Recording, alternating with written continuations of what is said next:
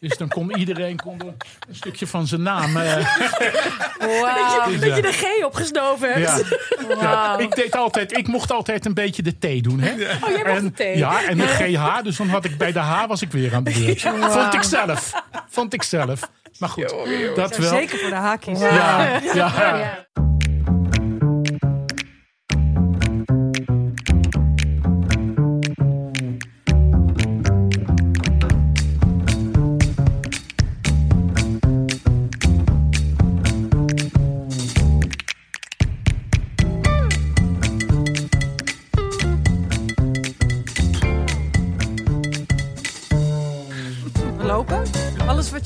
Tegen iedereen stil Ja, lopen. zet je- Ik vind het heel snel leuk. Ja, dat maakt Ja, we doen we dat met eten. en Ja, we eten gewoon. We eten. We noemen het wel. Ja. Wat we... we- Als er nog wat overblijft, gezien het tempo waarin jullie alles naar binnen Nee, dat was werken. geen grap, dat was echt. We, we noemen het wel. Oké.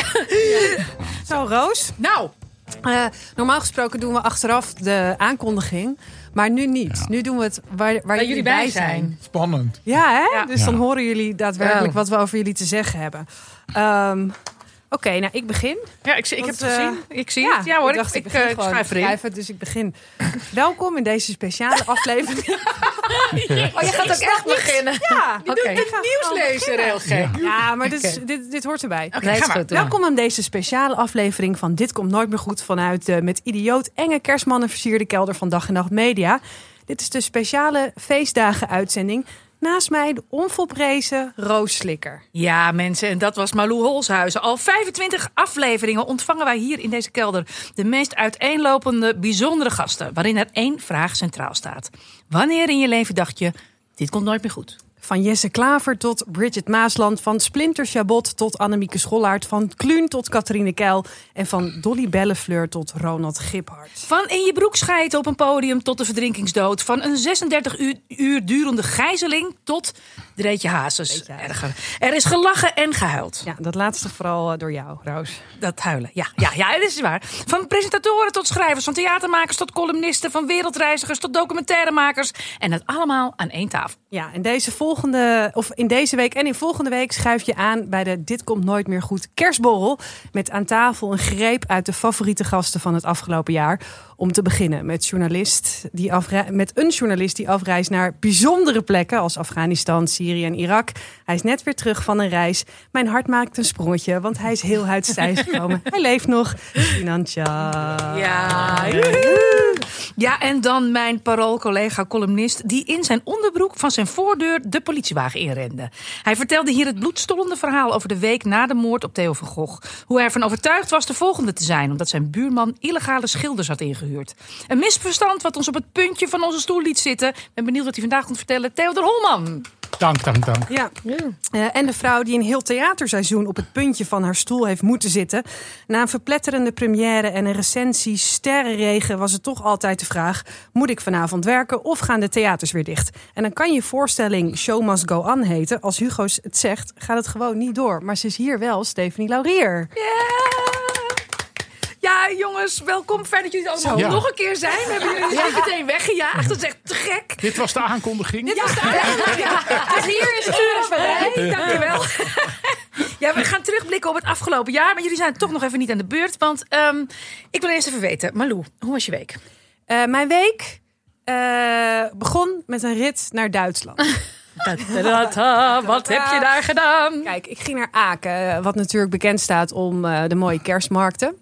En daar heb ik persoonlijk helemaal niks mee. Maar daar kan je je nu tegenwoordig ook eh, laten boosteren. Ehm, en aangezien ik eh, aan het eind dit jaar naar Parijs ga en in januari naar New York wil, ehm, werd ik eigenlijk op huisarrest gezet omdat ik ben gevaccineerd met Janssen. Ik was diegene die dacht: dansen bij Janssen? Die ene. Ja. is goed, prima. Maar één vaccinatie in plaats van twee? Ja hoor, ik wil. Dus eh, nou, dat ging dus mooi niet door. Dus ik dacht slim te zijn. Ik ga naar eh, Aken om me daar te laten vaccineren. Afspraak gemaakt. Gaat allemaal super makkelijk. Lekker in de auto daar naartoe. Geparkeerd. Stonk ongelooflijk naar pis. Maar oké, dan mag de pret niet drukken. Moest heel Dat was erg de lang- booster. Ja, dat... Dankjewel, Theodor. Nou, dat was mijn clue. Nee, Goed verhaal. Dus eigenlijk ging het allemaal heel soepel. Ehm, Wat wel heel gek was, was dat wij 's ochtends nog eventjes naar een vaccinatielocatie in de RAI moesten, Amsterdam. Omdat mijn vriend moest nog even zijn vaccinatie in zijn gele boekje laten zetten. Want dat heb je echt nodig in eh, Duitsland. Want dat is een internationaal document. Dus daarmee kan je laten zien, ik heb deze al gehad. Dus wij komen bij de RAI in een lege vaccinatiestraat. Met alleen maar mensen die zo zitten. Ja, ja, ja. Ja, wij wachten totdat mensen zich willen komen laten vaccineren. Maar ze komen niet. Dus wij zeiden... Oh, maar ja, wij staan op het punt om naar Duitsland te gaan. Maar als het hier kan... Nee, nee, nee, hier kan het niet. hier heb je een stempel, succes in Duitsland. Oké, dus wij waren uiteindelijk in Duitsland geparkeerd. En stond naar Pis, was niet de booster. Maar goed, in de rij alleen maar Nederlanders. Super gezellig. Iedereen aan het zeiken over hoe kut het was in Nederland. Beetje natte sneeuw, mocht de plek niet, pret niet drukken. En eh, uiteindelijk werd ik daar geboosterd. En die vrouw begint een heel verhaal in het Duits. En ik denk altijd dat ik best wel goed Duits spreek. Totdat iemand Duits tegen me spreekt. Ja. Ja, Ja, dat het denk ik zelf ook ook. iedereen. Oh ja. Ik versta helemaal geen Nee. Duits. En uiteindelijk had ik dat zo van... Oh, yes, yes, can you please uh, talk in English, uh, s'il vous plaît? Dus zij legt uit van... ehm, om een QR-code te krijgen... moet je hier een Duitse app downloaden. Ja. Eh, want je hebt in Nederland geen VPN hiervoor. Dus je moet hem hier downloaden. En eh, dan moet je eventjes naar eh, de apotheek in Duitsland om die te laten verifiëren. Dan heb je een internationale code op je Duitse app. En daar kan je de hele EU mee eh, rond. En dan kan je die later weer laten omzetten. Nou, zo gezegd, zo gedaan. Zei ze, oh ja, PS...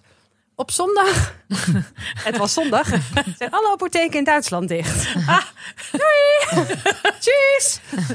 Dus ehm, wij gingen naar buiten. Toen hoorden we via via dat er ergens nog wel een apotheek open zou zijn in Aken. Ja, ik En- wou net zeggen, ja. het moet toch ook, hier is er ook Dus- altijd één apotheek open. Precies. Dus wij dachten, haha, die gaan we zoeken. Maar een vreemde mevrouw, die dacht... hé, hey, ik hoor hen praten over een apotheek. Dus die zei, oh, eh, hebben jullie het over eh, de apotheek? Ze zei, ja, ja, ik heb het over de apotheek.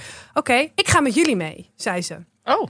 Dus op een gegeven moment, wij hadden dus een zwaankleef aan, die Ja. achter ons aan, die dat met ons wilde doen. Maar dat was helemaal geen leuke vrouw. Want die zei de hele tijd. eh, is het deze kant op? Kan je even kijken op je telefoon? Dus die begon we waren met een soort van. Ja, Duits. ja, ja, ik wil geen vergelijkingen. Nee, maar liepen wij dus over een kerstmarkt, wat ik haat. Dus Allemaal schreeuwende kinderen, kerstliedjes. Ja, het was iets met Kings. Ik weet het Ja, verder ook ja. niet, eh, dat Dat liedje. is daar heel bekend. Ja, en op zoek dus naar die eh, apotheek waar we dus binnenkomen. En zij zegt, ah, schade. Eh, mijn computer is net stuk gegaan. Maar dus dan doe je dat dan niet in het Duits. Ja. Dus die Oh. computer was stuk. Dus nou, toen eh, gingen we opzoeken, gingen we eventjes schnitzel eten en opzoeken van oké, hoe kan het? Het kan dus ook bij de huisarts. Eh, je moet het eventjes doorgeven naar je huisarts en die kan het eh, opsturen naar het RIVM. Ik kom thuis eh, naar mijn huisarts. Die zegt nee, je moet naar de GGD. GGD, je moet naar de huisarts. Huisarts, je moet naar de GGD. Kortom, ik ben geïnjecteerd met een booster. Maar ik heb er geen reet aan. Maar serieus? Ik, ja, ze zegt gewoon, nee, wij doen het niet. En, en, en, en, en, Nou. en, en, en, als je nou naar Parijs gaat en je zegt ik heb een Duitse booster in mijn arm, gaat dat Ja, helpen? ik heb daar wel bewijs Nou, van. dat vinden ze in Frankrijk fijn. Vroeg mij enorm of dat een goede mededeling was. Het, was, het is zo erg dat ze eh, eh, de- ik heb nu zelfs ruzie met mijn huisarts. Die heeft mij een mailtje gestuurd met: nu moet je stoppen met ons de hele tijd bellen hierover, want we gaan het niet doen. Terwijl de huisarts van mijn vriend doet het wel. Toen kreeg ik weer Hè? te horen: ja, maar die huisarts die eh, overtreedt de regels. Ik zei ja tegen hem van ja, jouw huisarts overtreedt de regels. Maar goed, ja, eh, kortom. En wij nu? gaan, Ja. ja, wij gaan vrijdag weer naar Duitsland. Nee, echt? Het moet, ja, het moet wel. Holy De kerstmarkt zou ik zeggen. Ja. Zo. Dus ja, ik ben echt super veilig voor eh, knuffels en weet ik veel wat. Wauw, maar je hebt er geen alleen ik kan het niet, ja. eh, ja, je kan me niet scannen. Zo was mijn week, Roos. Is het wel waar dan? Ja, waar ben je mee geïnjecteerd? Ja, inderdaad. Ja. Nou, ik merk wel dat ik een beetje een kort lontje heb. Misschien dat het komt. Ik heb helemaal geen griep, helemaal geen last van of wat dan ook. Maar ik was wel zo. Oh, misschien moet ik wel heel hard huilen straks. Dus ik hoop niet dat jullie verhalen erg eh, zielig zijn. Ja, dan ga jij een keer janken. Dat is ook wel eens lekker. Ja, ligt eraan. Ik ben ligt aan de chip die nu... Die Ja, ja, ik weet niet Ja. wie geprogrammeerd bent nu. Geen chip. Ja. Dus eh, Ja. goed. Goed.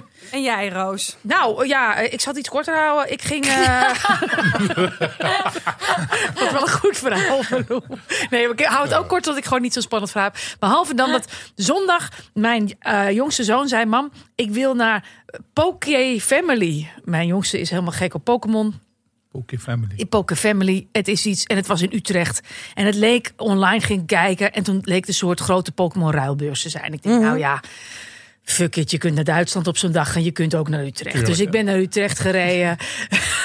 met een heleboel Nederlandse hits op de autoradio. Ik ga zwemmen in Bacardi Lemon met mijn jongste zoon. De sfeer zat er top in, hartstikke goed. Ik heb gezegd, op je zestiende gaan wij naar Café Nol, vriend. Hartstikke leuk. We komen daar aan. Ik denk, ik verwachtte daar nou ja, iets heel spectaculairs. Op zijn minst een kleine kerstmarkt erbij of wat dan ook. Kom daar aan bij een heel troosteloos winkelcentrum. Zeg maar, ik bedoel, Oostorp kan er een puntje aan zuigen, zou ik maar zeggen. Echt heel troosteloos. Moesten we naar binnen? Ik zeg, nee, is niet goed. Ja, is wel, ja, wel. Kijk op Google Maps. Nou, oké.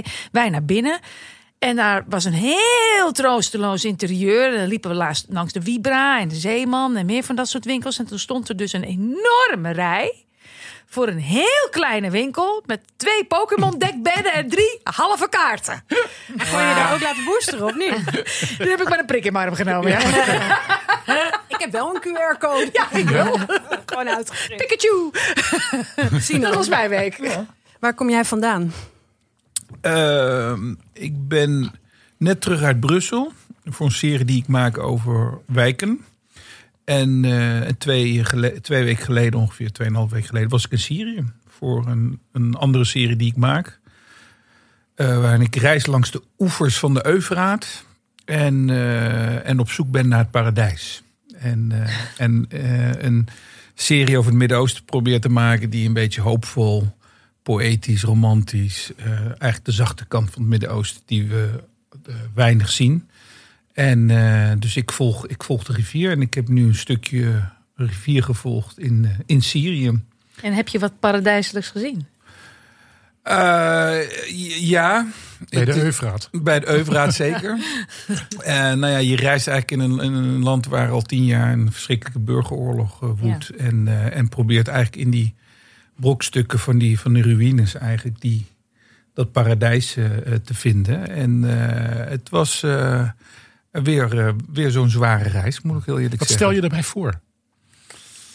Eh, bij- het paradijs, hè, bedoel ik. Het, ik, eh, nou, het is meer eigenlijk. ehm, ehm, eh, het is een gebied wat ik goed ken. En, en, eh, en ja, paradijs is natuurlijk niet een plek, maar is meer in, in harten van mensen en wat wij ervan maken. We kunnen een stukje aarde, paradijs maken, maar ook he- tot hel maken. En dat is in dat stukje gebeurd. Want ik ben dus ook weer, weer in Raqqa geweest, de oude hoofdstad van het gruwelijke kalifaat. En, eh, maar ik zag het nu dus wel dat, dat mensen het leven weer oppakken. Dat ze eh, die geschiedenis ook achter zich proberen te laten. Ik was ehm, eh, zelf vond ik het meest ontroerende, of een van de ontroerende dingen was. Ik was bijvoorbeeld in een vrouwendorp. Eh, een vrijgevochten vrouw in Noord-Syrië. Twintig huizen. Eh, vrouwen die een man hebben verloren, vrouwen die voor huiselijk geweld zijn eh, gevlucht, voor eerwraak, eh, tegen IS hebben gevochten, hebben elkaar gevonden in, in, in een dorp waar ze samen wonen, samen brood bakken, samen de, de gewassen planten, de dieren, samen overleggen. En waar mannen niet welkom zijn. Dus ik mocht daar een, een dag draaien, maar s'avonds moest ik weer oprotten.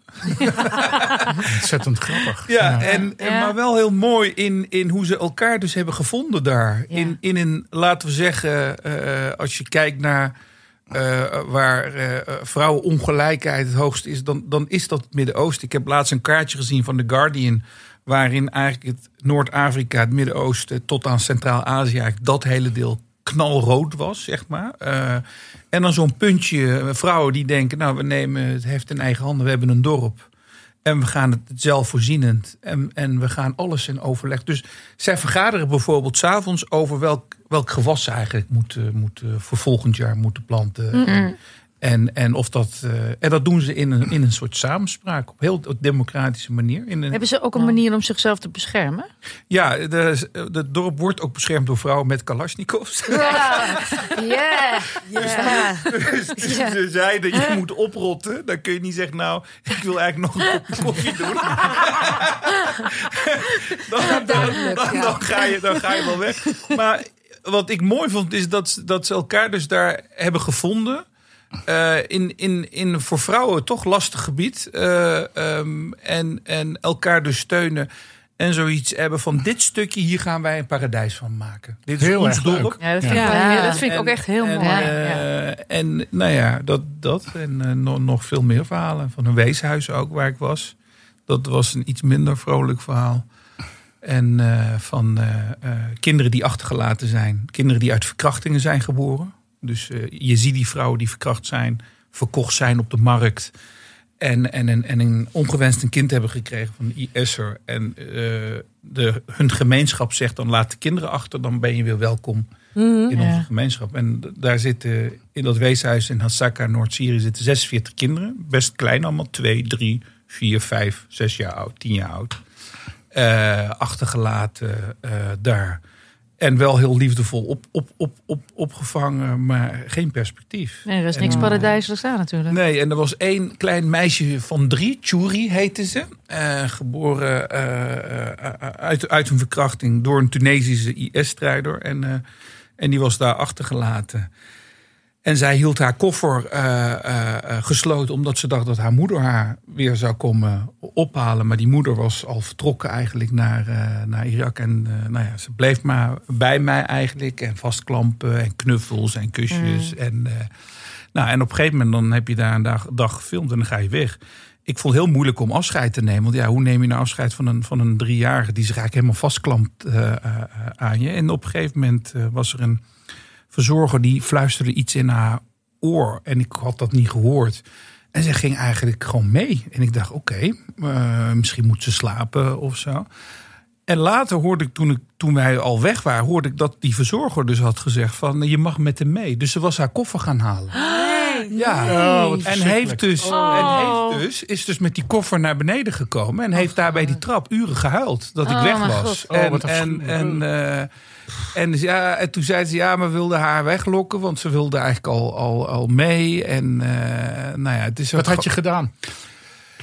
ja, je kan zo'n kind niet meenemen. Eh, dat, dat kan niet, want die heeft gewoon geen papieren. Het is een kind eh, dat geboren is uit, uit, ja, uit, uit, uit eh, verkrachtingen eh, van, van IS-strijders. Dus het, de vader is een IS-strijder, moeder is een Yazidi.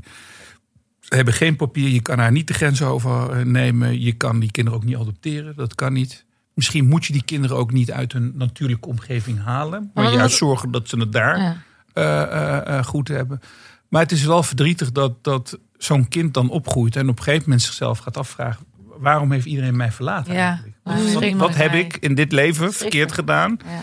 En ja, je zou eigenlijk zo dat soort kinderen eigenlijk een, een kans. een De eerste kans hebben ze al niet gehad. Een tweede, gewoon een kans in het leven. Ja, überhaupt überhaupt een kans. überhaupt geven. En eh, wa- wat ik eigenlijk, eh, Theodor, graag zou willen is... ehm, eh, ik had het mooi gevonden als wij bijvoorbeeld tegen Yazidi-vrouwen met kinderen hadden gezegd... wij, wij vangen jullie op. Je hoeft Ja. je kind niet achter te laten.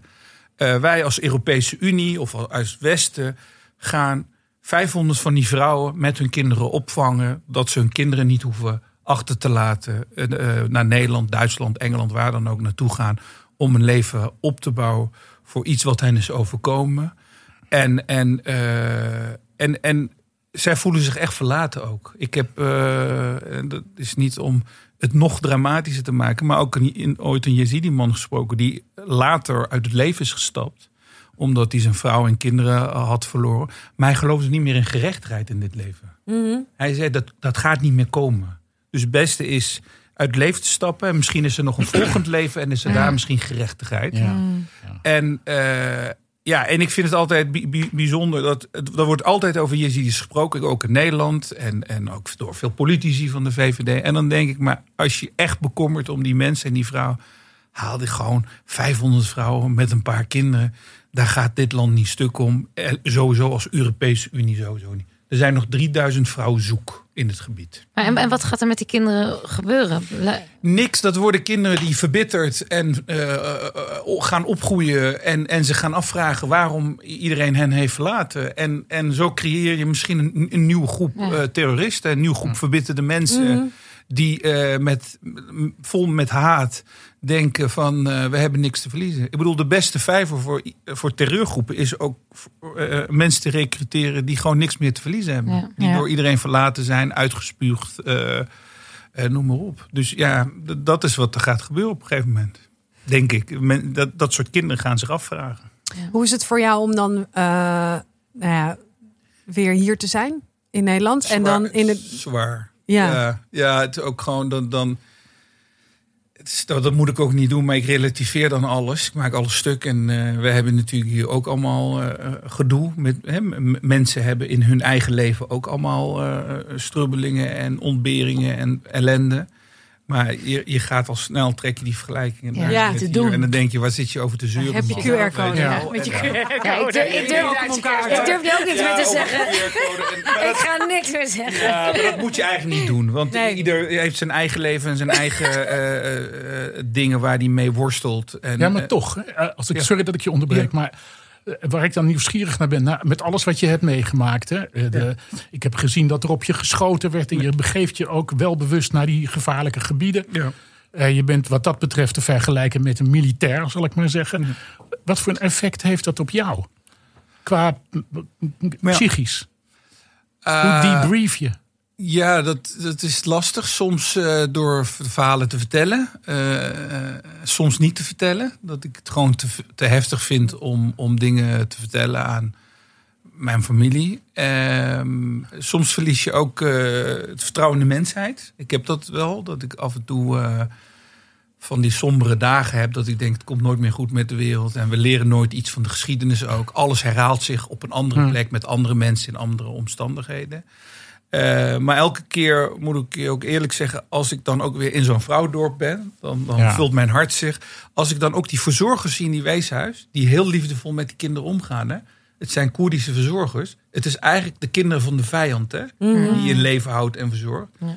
En dat zij ook zeggen, ja, maar mens is mens. En, Ja, ik en- begrijp dat ja. dat het hart sterkt, Ja. maar toch. eh, eh, Ja, het is lastig. Kijk, ik- ik denk niet dat ik dat nog twee, 20 jaar doe. Nee. Maar dat heb ik ook al vaker eh, gezegd. Ik, ik hoop het nog een paar jaar te kunnen doen. En dan, dan, eh, dan wil ik stoppen. Dit is ook niet... eh, het is niet gezond. Eh, ik moet vaak terugdenken aan dingen. Soms droom ik van kinderen die ik heb achtergelaten. En dan denk ik, hoe zou het met ze zijn? Zijn ze goed terechtgekomen? Leven ze nog? En, eh, en ik merkte eh, de laatste keer ook met al die gebeurtenissen in Afghanistan... dat het mij ontzettend emotioneerde. Dat Ja. ik, zou, ik zou gewoon. Ja. Het is nu toch populair Ja. gezien Amalia, maar ik vind het helemaal niet erg. Ik, ik heb twee ouders gehad die alle twee eh, last hadden van eh, een kampsyndroom. En behoorlijk veel last. En eh, ja, dan moet je op een gegeven moment toch hulp zoeken, Ja. denk ik. Gewoon ook omdat dat helpt om tegen een, anonieme, een anoniem iemand te praten. Ja, En juist wel die vreselijke dingen te vertellen. ja. En eh, ja, heb ik Want- nog, nog niet gedaan, maar Oh, zou nee? wel kunnen. Ik zou dat wel doen. Want Ja. het is je eigen. Je, je, je kan daardoor misschien ook nog wel langer blijven werken. Ja. Weet je veel? Dat Nee.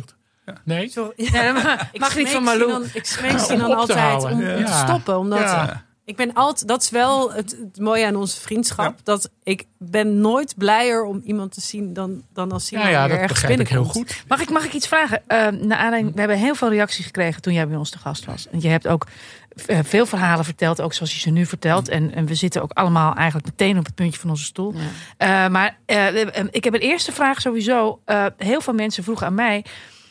als wij hem willen helpen... Want hij wil een weeshuis oprichten en Ja. wij willen hem helpen voor, Ja, we hebben hier een, mensen. een, een luisteraarsvraag daarover. Die, die kunnen we wel even voorlezen als we nou, nu toch Ja. zijn inderdaad. Ik mail over de aflevering met Sinan Chan.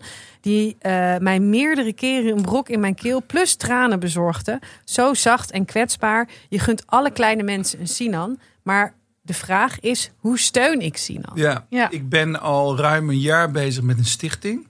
Vorig jaar oktober begonnen met beleidsplan, met een ambi-aanvraag, met de hele rattenplan en een website en noem maar op allemaal. Het eh, ontbrak eigenlijk één ding, een bankrekening. Dat was eigenlijk het sluitstuk. Nou, die heb ik aangevraagd bij de Triodos vorig jaar in oktober.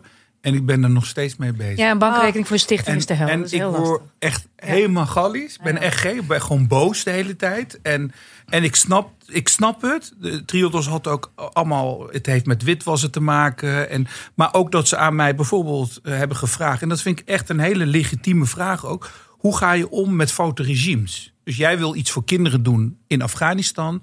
Dus je moet onderhandelen met Ja. de Taliban. Dat kan niet anders. Nou, dat vind ik gewoon een hele terechte vraag. Ook om over na te denken hoe, hoe, hoe we dat gaan doen. En ik heb al die vragen beantwoord. En we zijn nu 14 maanden eh, eh, verder. En, eh, en ik wilde. Het idee is om op, op in november de stichting te beginnen. Eh, en ik weet niet of ik dat ga halen zo op deze manier. Mhm. Dus ik denk dat ik van de week de directeur maar ga bellen. Wat Ja. ik nog niet heb Ja, gedaan. nou ja, ik weet, misschien- ik weet misschien is- misschien is dat wel even- los. Dan kan je dat gewoon meesturen. Ja, maar dat lijkt me ook. Maar misschien is dat wel eventjes toch eh, beste mensen van de Triodos Bank. Ja, Geef Sinan een stichting. luisteraars van Ja. eh, dit komt nooit meer goed. Stuur even een mailtje Stuur naar even de een mailtje naar de beste mensen van de Triodos Ja. Bank. Want Ja. eh, eh, het is inderdaad makkelijker om een bank te beroven dan een eh, bankrekening van een stichting te krijgen. Ik weet Nee, dat klopt. Sinan, wat zou naast de bankrekening jouw mooiste kerstcadeau zijn? Ehm, ik had eh, bedacht dat voor dat weeshuis, Ja. eh, er is af en toe een power cut daar. Eh, Wat is dat? Ja, sorry. Dat er geen elektriciteit is, denk ik. Ja. Ik had echt hetzelfde. Ja. Ik denk, is dat een hele boze directrice? nee, sorry, het, het, het- en Elektra valt af en toe Ik uit. ik Gewoon zat een oh ja, inderdaad. Dat is wel- Sorry, ik, dat is omdat die mensen daar in het weeshuis de hele tijd het over power in het Engels natuurlijk tegen mij Ik zag echt zo'n. Akela voor me. Jij zit in één keer in Nederlands. Pauwkut. Ja, sorry. Wij herstellen even. Ja, de, de- Oh, mijn de- god. de Elektra valt dus af en toe uit. En, eh, en dan, dat, dat, dat, is, dat is in de zomer niet erg, maar in de winter is het wel erg. Want het kan daar best koud zijn. En ik dacht, hoe mooi zou het zijn als ik, ze, als ik tien van die zonnepanelen voor ze regel op het Ja. dak. Ze hebben Ja. best een groot, of vijftien. En dat ze misschien die ene kachel nog in de winter eh, met, met, eh, eh, met de elektra die ze dan hebben opgewekt via. Dat ze dat, die, dat ding nog kunnen aanzetten. Ja, Dat, moet toch mogelijk zijn? Ja, Weet je wat dat kost of niet? Hoor? Nee, het kost ook niet zoveel. Nee. Ik, heb het, ik heb het al uitgezocht. En eh, met, met vervoer en zo ben je iets van... en monteer iets van eh eh 8.000, 9.000 euro kwijt. Dus het is niet een huge, Nou. huge Nee. nou, Eh, we hebben het vorige keer ook in ons gesprek gehad. En dat, dat vond ik zo mooi in jou over humor. En eh, wij schieten het ook heel erg in de lach. Omdat het Ja. die ontlading eh, van wat je ziet, wat je hoort, waar, waar we het nu over hebben. daarin vertelde jij dat jij dingen jat. Ja. Dat je een cassettebandje van Osama Bin Laden hebt eh, eh, gejat. En een stukje eh, Dat was heel leuk. Luister de aflevering. kroonluchter van Gaddafi, geloof ik. eh, Ja, ik ga elke keer als ik ergens naartoe ga naar, naar een, laten we zeggen, schuldige plek, eh, dan neem ik iets mee. Dus ik heb een stukje uit de kroonluchter van Saddam Husseins paleis meegenomen.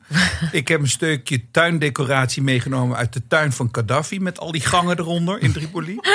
ik heb eh, op de plek eh, in Kandahar in Afghanistan op Tarnik Farms, waar Bin Laden het plan voor 9-11 heeft gemaakt, op dat grote boerderij, lag er in het zand lag er een cassettebandje. En ik dacht, het zal toch niet zo zijn dat, dat, dat, dat daar een boodschap om Bin Laden, Bin Laden en echt een oud bandje. Ik heb het nog niet schoongemaakt en nog niet terugbeluisterd. Maar het zou ook kunnen zijn dat er gewoon Beatles op zit. Want hij was fan van de Beatles. Bin Laden. Ja. Van, de, van de Beatles en van Arsenal, van de voetbalclub, was hij ook gek op. En van cola en van Snickers en van porno, zoals we weten.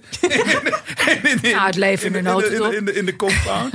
maar ik probeer dus overal op, op al die schuldige plekken probeer ik een, eh, een stukje. Hang je het dan allemaal in de kerstboom? Of? Nee, ik heb het allemaal in, in, in, in het kastje. Eigenlijk een beetje net als Boudewijn Boeg eigenlijk. Eh, om eh, op een gegeven moment, als je oud wordt en de verhalen bent vergeten, dat misschien als je naar die, naar die voorwerpen Denk kijkt, dat je dan nog weet van, oh ja, dat was toen een stukje tuindecoratie uit de tuin van Gaddafi. Wat is het laatste wat je hebt meegegrist? Eh, het laatste wat ik heb meegegist is, moet ik even, nee, dat is het cassettebandje Ah, toch van Bin Laden. Zo benieuwd. Ja, ik, Ja, ik, doe ja, dat, ik ben ik, deed dat ook altijd, maar als ik, als ik dan dronken was, dan ging ik dingen jatten. Maar dat was gewoon uit, de- uit de kroeg. Of gewoon een barman meegenomen. Ja. Gewoon, Ik vind het wel een hele mooie maar dit, maar dit is wel... Hey. Ik zeg, ja, ik herken het. Ja, maar op een andere manier. Ja. Ik heb ook, ik heb ook nog een eh, stukje, een, een vork meegenomen. eh, op de plek waar ze Saddam Hussein op dat gat hadden getrokken. Weet jullie nog? Oh, Ja, Een vork, ja, iemand want hij, moest hij, hij had dus, een- hij had dus een kamer laten bouwen, een compound in de grond. En boven was er een soort hut waar, waar, waar hij had... De enige die hij had meegenomen was een kok, hè? Ja, iemand moet koken voor Saddam. Ja, ik bedoel, ja, hallo, ja. ga ik zelf geen eitje Ja. bakken daar. dat kan zeker minimaal. En hij had dus een soort gaarkeuken. En uit die keuken dacht ik van... ja, daar moet ik toch even een stukje bestek van Saddam ook mee, meenemen. Maar ik hoop niet dat het allemaal thuis ligt. Want dan, iedereen wil natuurlijk dit, dit hebben. En, en Ik wil voorkomen voor... Nou, ja, ik wil het zien. wil jij het wel. Ik wil het... Nou, ja. ik ben wel. Kijk, ik, wil het wel origine zien, ja. historicus. Ik snap wel dat dat soort dingen enorme waarde Ja, hebben. Heel erg. zeker. Absoluut. Ik ben nog steeds trots op zo'n klein stukje Berlijnse muur. Ja, oh ja. Heb jij ook al zo'n stukje? Ja. maar wel er zelf Die is heel groot geweest. Oh, dat wel. Dat wel. Zeg Theodor, met wat voor gevoel ga jij deze kerstdagen in? Ehm, met wat voor een gevoel. Ja, Eh, hoe ben je gemutst?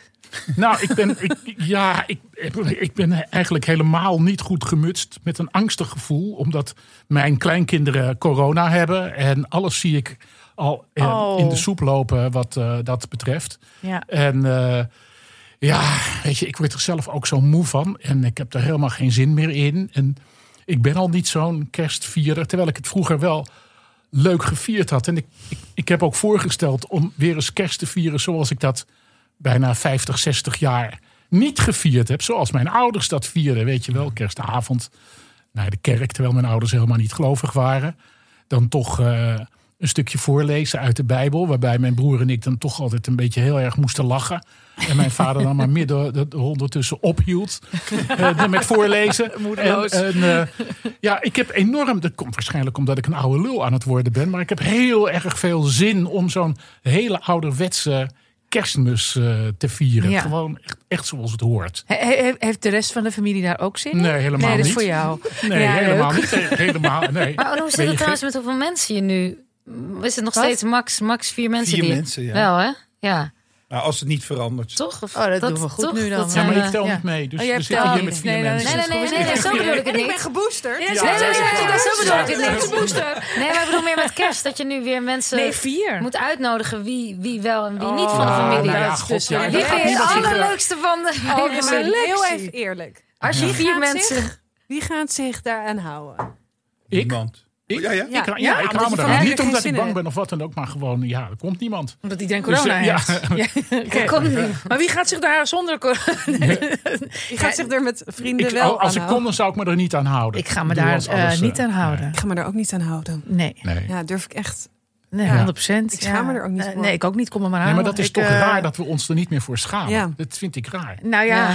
ja. We, we hebben nu al, ik geloof, twaalf ethische dilemma's voorbij zien eh, In deze korte periode. En Ik, ik, ik heb daar Ja. echt soms dat ik niet meer weet wat nou goed is. en Nee, wat dat, nou maar Ja, daar ja, ja. komt het ook door dat je op een Ja. gegeven ogenblik dus denkt... nou ja, het, het zal wel even of zo. Het heeft natuurlijk ook gewoon te maken met de duur van alle dingen. Ik wil Ja. me best een half jaar overal keurig gaan houden. Maar er Ja. zit een grens. En ook het inschatting Nou, en ook- van ziekte, weet je wel. Nou, Hoe dat erg vind ook. ik het dat ik... Nou ja, nou, mijn vader heeft het toevallig vorige week corona gehad. Dus Ja. die is er net vanaf. Die is lekker geboosterd nu.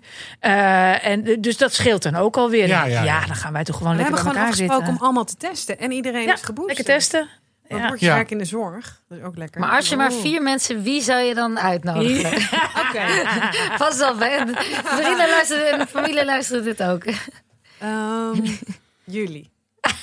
Maar, oh, maar ja, eh, kiezend, uit, kiezend uit wat? Uit, uit iedereen. Als je met, met vier mensen... Je mag En dan met kerst of vier- oud en nieuw? Want dat vind ik uitmaken. Kerst. Oud en nieuw mag... En mag dood of levend? ja. ja. Ik ben nog vier dood. Ja. Nee, ja, dat heb ik, dat heb ik geloof ik tien keer gedaan.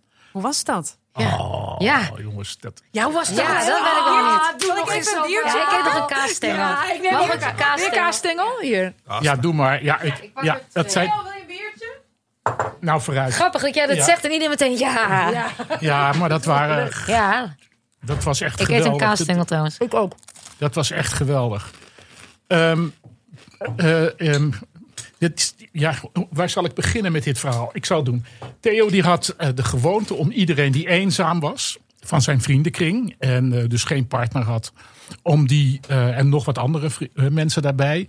om die uit te nodigen voor een copieus diner. zoals hij dat meende. Dat werd vaak gedaan bij, bij Max Pam eh, thuis, want die had een groot huis. En ja, dat waren gigantische eh, eetpartijen. Maar Theo die deed met de drank altijd. Nou, dat, dat, dat was. Ik zal mijn verhaal beperken, want er zijn zoveel verhalen over te, te vertellen.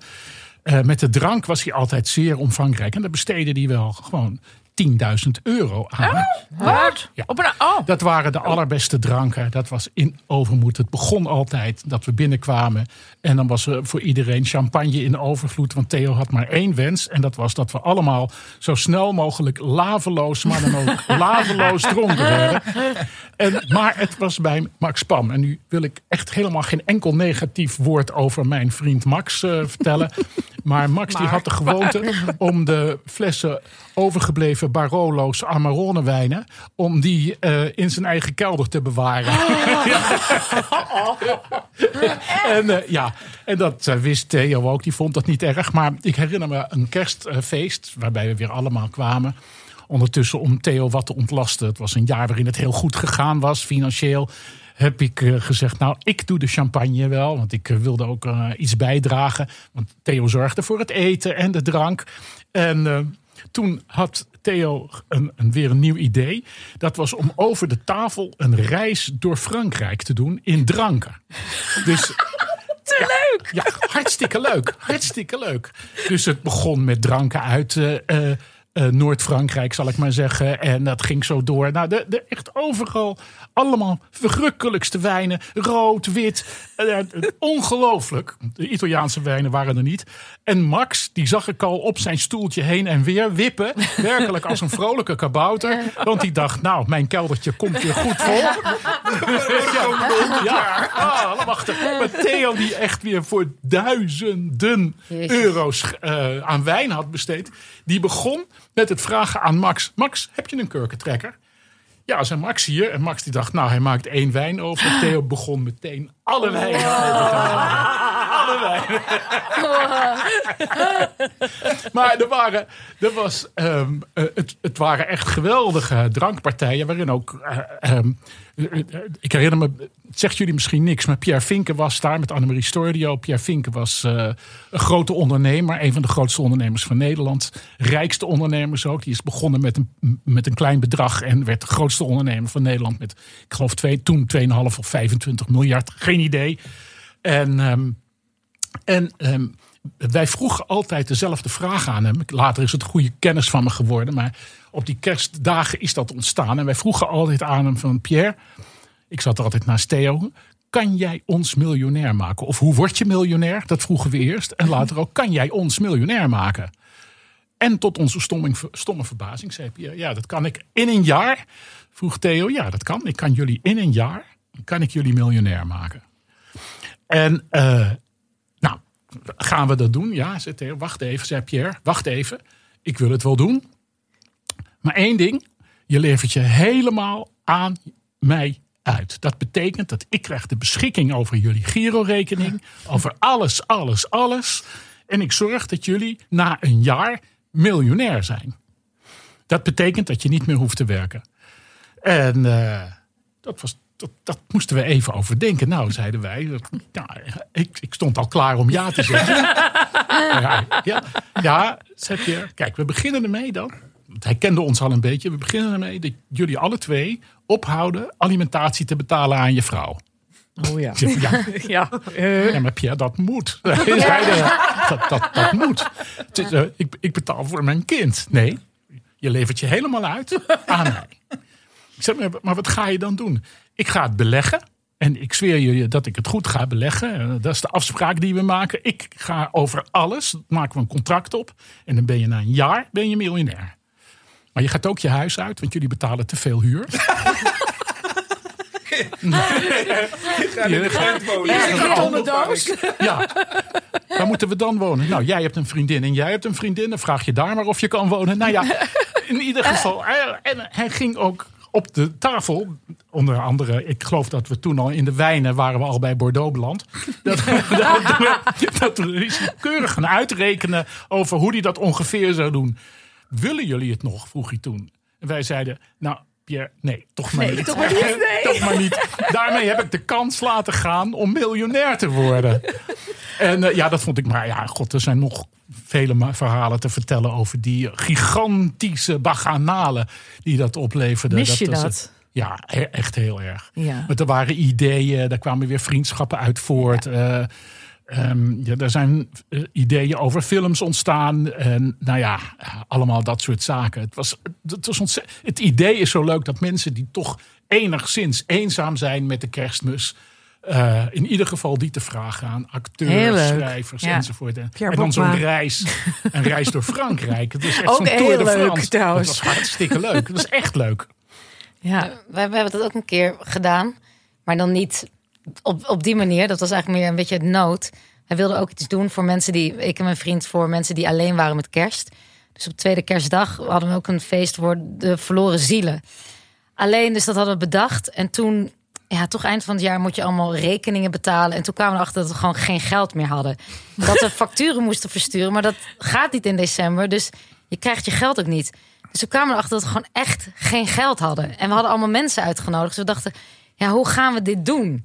Eh, dus dat was, dat was echt een beetje een probleem. Want we hadden echt geen, dit is geen grap, we hadden echt even niks. Had ik je maar gekend, had Ja, inderdaad. In Ik wou kunnen zeggen.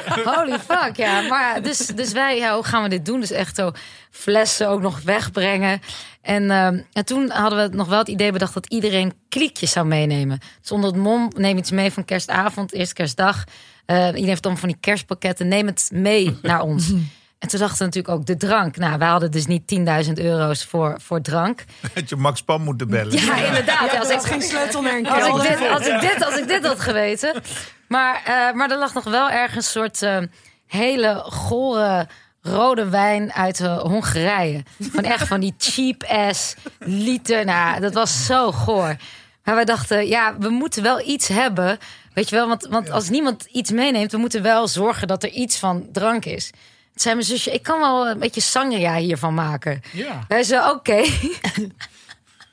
dus we hadden ergens nog een soort mooie schaal. Dus wij een beetje fruit zo uit zo'n blik.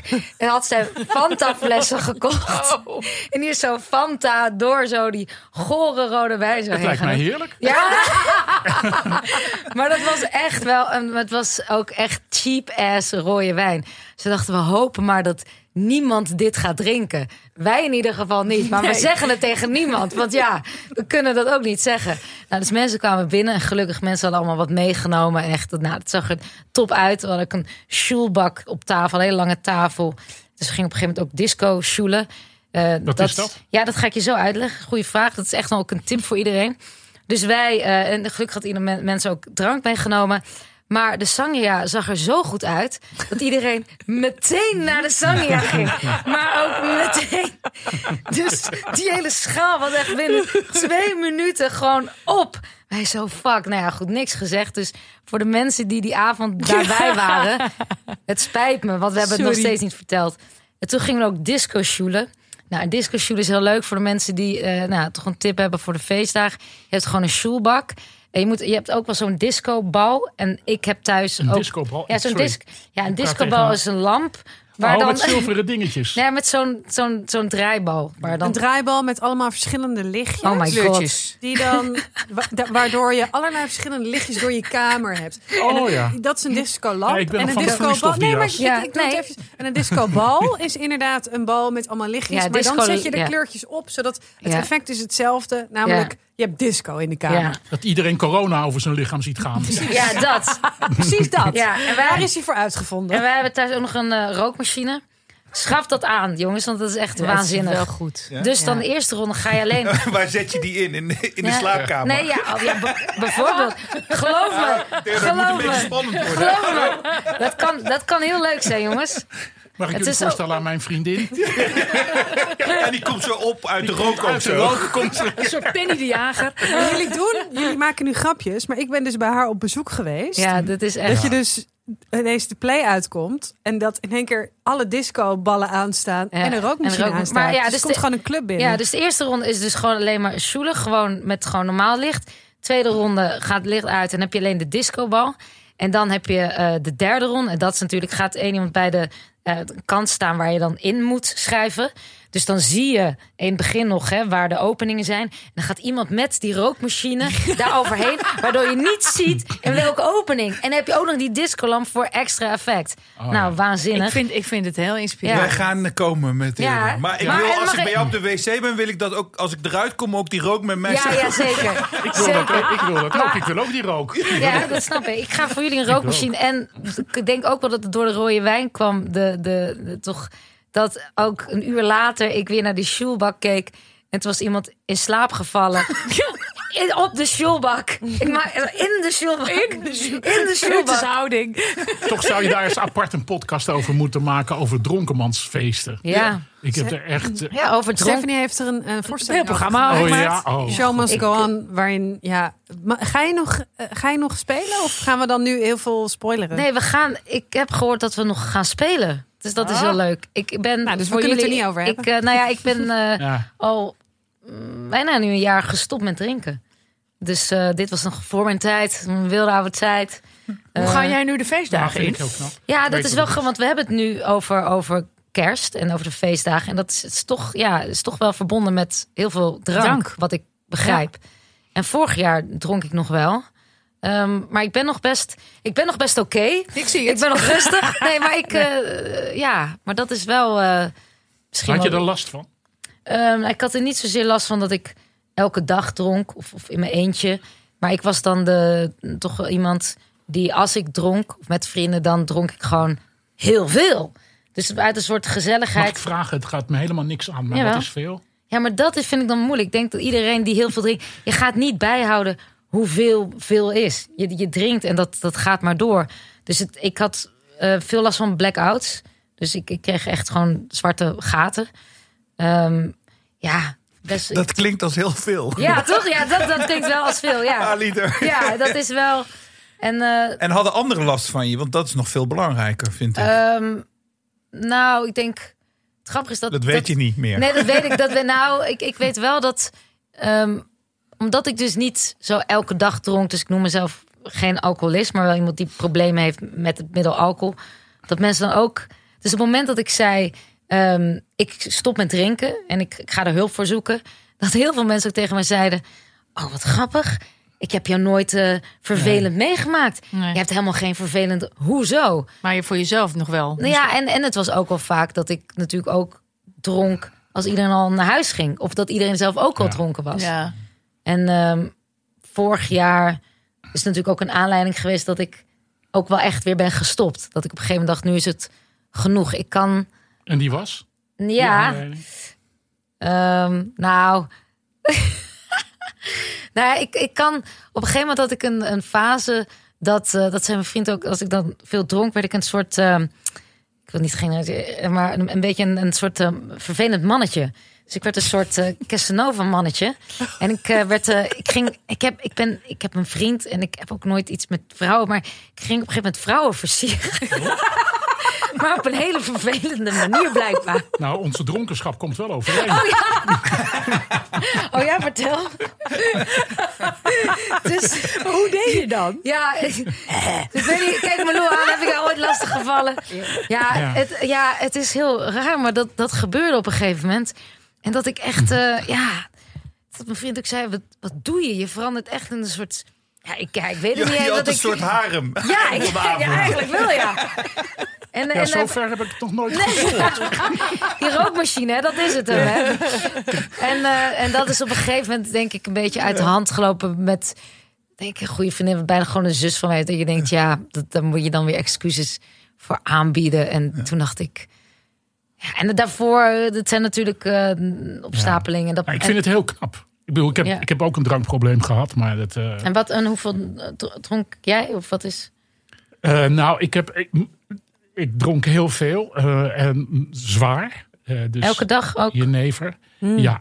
Oh ja. En, maar op een gegeven moment ben ik daar gewoon van de een op de andere dag, net als met roken, mee gestopt. En daarna ben ik weer begonnen, maar nooit meer zoveel. En was daar een aanleiding voor om daarmee te stoppen? Eh, ja, ehm, ja, ik deed gewoon helemaal niets meer. Ik was de weg kwijt. Ik heb eigenlijk twee jaar heb ik niets gedaan. Echt? Ja, gewoon Maar elke alleen dag maar bezig gehouden. Ja, ik, ik schreef toen wel voor het parool. Ja. Eh, maar toen schreef ik elke week één stukje. Mhm. En eh, daar, daar leefde ik toen van. En, en, en en wat daar was, kocht ik de drank van en zo. En verder, ja, je, je pikt van alles wat mee. en wat was Ja. dan het punt eh, dat je dacht, nu stop ik? Ehm, nou, dat was echt medisch. Eh, het is daarna trouwens weer teruggekomen. Dat was naar aanleiding van de moord op Theo van Gogh. Maar dat, dat, ik was gestopt. En ook omdat ik me ik voelde me gewoon ontzettend beroerd. Echt, iedere dag voelde ik me beroerd. Zo beroerd. En iedereen zei, je moet stoppen. Houd toch op met drinken. Ja, ik, ik weet niet of jij dat kent, maar ik had toen een vriendin. En ik, die zei, ja, ik wil niet meer dat je zo eh, hier binnenkomt, zo dronken. En dan ging ik een contract tekenen. Namelijk, hierbij beloof ik dat ik niet meer zo dronken zal worden. Dat dateerde ik en lijstte ik in. En eh, gaf ik aan haar. Ja. Zo van, Echt? Ja, zeker. Oh. En eh, dan dacht ik, nou, dan ligt het vast. Ja. Ja. Maar daar kon ik me niet aan houden. Op een gegeven Nee. moment wel. Nou ja, die verhouding ging uit. En eh, nou, ja, dat, is allemaal, dat is vaak gebeurd in mijn leven. Anyway, toen, toen eh, ehm, werd Theo van Gogh vermoord. En toen had Dave Schram, dat is een filmproducent. En die deed iets heel liefs. En zijn broer eh, Stan, die liet bezorgen bij Gijs van der Westerlaken. Die had een productiebureau. Echt de lekkerste wijnen en de in Theo gedacht. Ik heb net die kerstavond Mm, ja, ja, ja, verteld. ja. De lekkerste wijnen, de lekkerste dranken. De lekkerste. Marco Borsato trouwens, waar we het voor de, ik zal maar zeggen, uitzending over hadden. Die gaf ook een heleboel champagne cadeau. Eh, want daar had Theo net een filmpje voor opgenomen. En ook heerlijk eten. En dan moet je echt denken aan caviar. Allemaal de heerlijkste dingen. Ja, en toen. Het, het is op, eh, eh, in november gebeurd. En toen hebben we ook nog kerstmis gevierd. En toen ben ik weer gaan drinken. Maar, eh, en daarna ben ik echt de hele tijd gestopt. Het is nu al 17 jaar geleden. Ben ik echt een, en toen dacht ik van nou, En dat ik gaat. gewoon beheersen. En, en nu gaat het goed. Nu kan je Ja. gewoon. Ja. Ah Ja. ja. ik vind dat dan? ik drink, ik, hoe ik dat doe? Nee, ja, hoe, hoe- waarom kan je het nu wel? Ten eerste ben ik heel erg. Ik heb een enorme doodsangst. Dus eh, ik heb zo ongelooflijk veel eh, echte cardiologen en andere toestanden rondgelopen. dat ik daar echt bang voor ben geworden. Ja.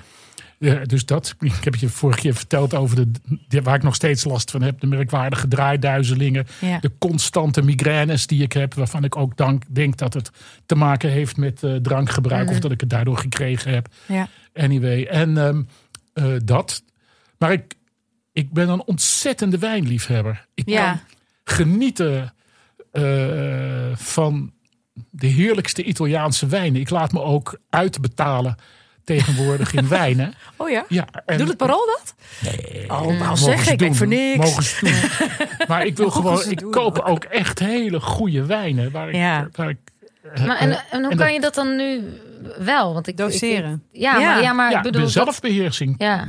Daar hou ik van. Ik vind dat ook een mooie. Ik heb het nooit gedaan. Ik heb me in niks beheerst. Ik, ik moest altijd veel en snel. Ja. Tenminste, dat hoorde ik van vriendinnen. Zo. Zei hij dat echt? Zei hij dit echt? Ja. Hij zei Het schoot uit mijn mond. Ik kon er niks aan doen. Viel uit Ja, je mond. viel Genoeg bier, genoeg bier aan, aan deze je kant. heel goed beheerst. Holy Ik kan er niks aan doen. Ja. Maar ik vond het altijd heerlijk. En ik vind ik nog. Ik, vind, ik, heb, ik heb nou Ja. een hele lieve, hele lieve, lieve vrouw. En eh, die is. Die, eh, ze is nou gepensioneerd, maar die speelde in een orkest in het Noord-Hollands Philharmonisch. En die kwam dus, was altijd op tournee. En die kwam dus laat thuis. Dus, en, dan, en, en mijn gelukkigste momenten zijn altijd. Dan had ik. En echt. Ik heb ook, er is ook een tijd geweest dat ik. Niet als nu, maar dat ik echt goed verdiende.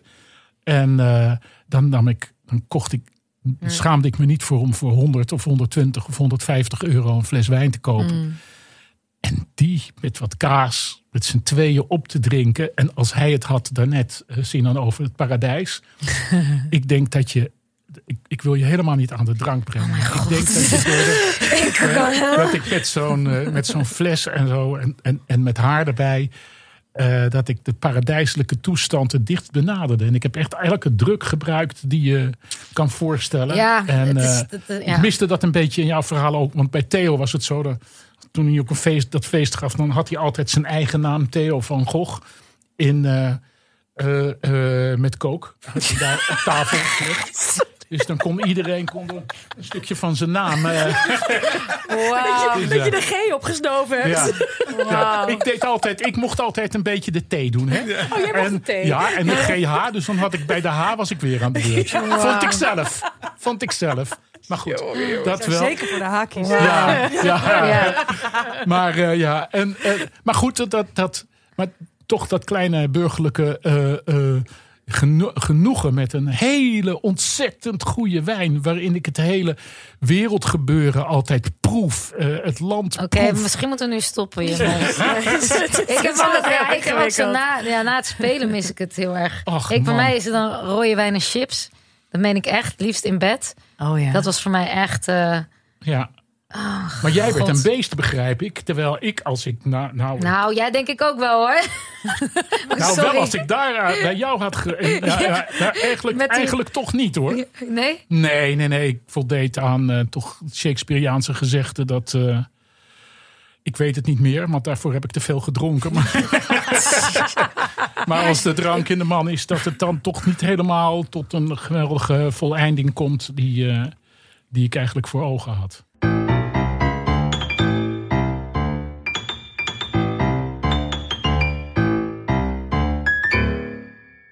Roos. Ja. Ja, we zijn we zitten eigenlijk gewoon leuk, hè? een te borrelen. Ja. En opeens dachten we, oh, dit zijn twee uitzendingen. Ja. Ja, dus eh, we doen ook een beetje stil en we hebben ook een beetje haast. Maar dit was het eerste deel van de kerstspecial van Dit Komt Nooit Meer Goed. Ja, we kappen hem gewoon nu even af. En we laten jullie eventjes in het blauwe hinein. Eh, maar volgende week zijn we er gewoon weer. En dan kun je dit geweldige gesprek verder afluisteren. En geloof me, dat wil je. Komt veel eh, moois. Er komt nog heel veel moois.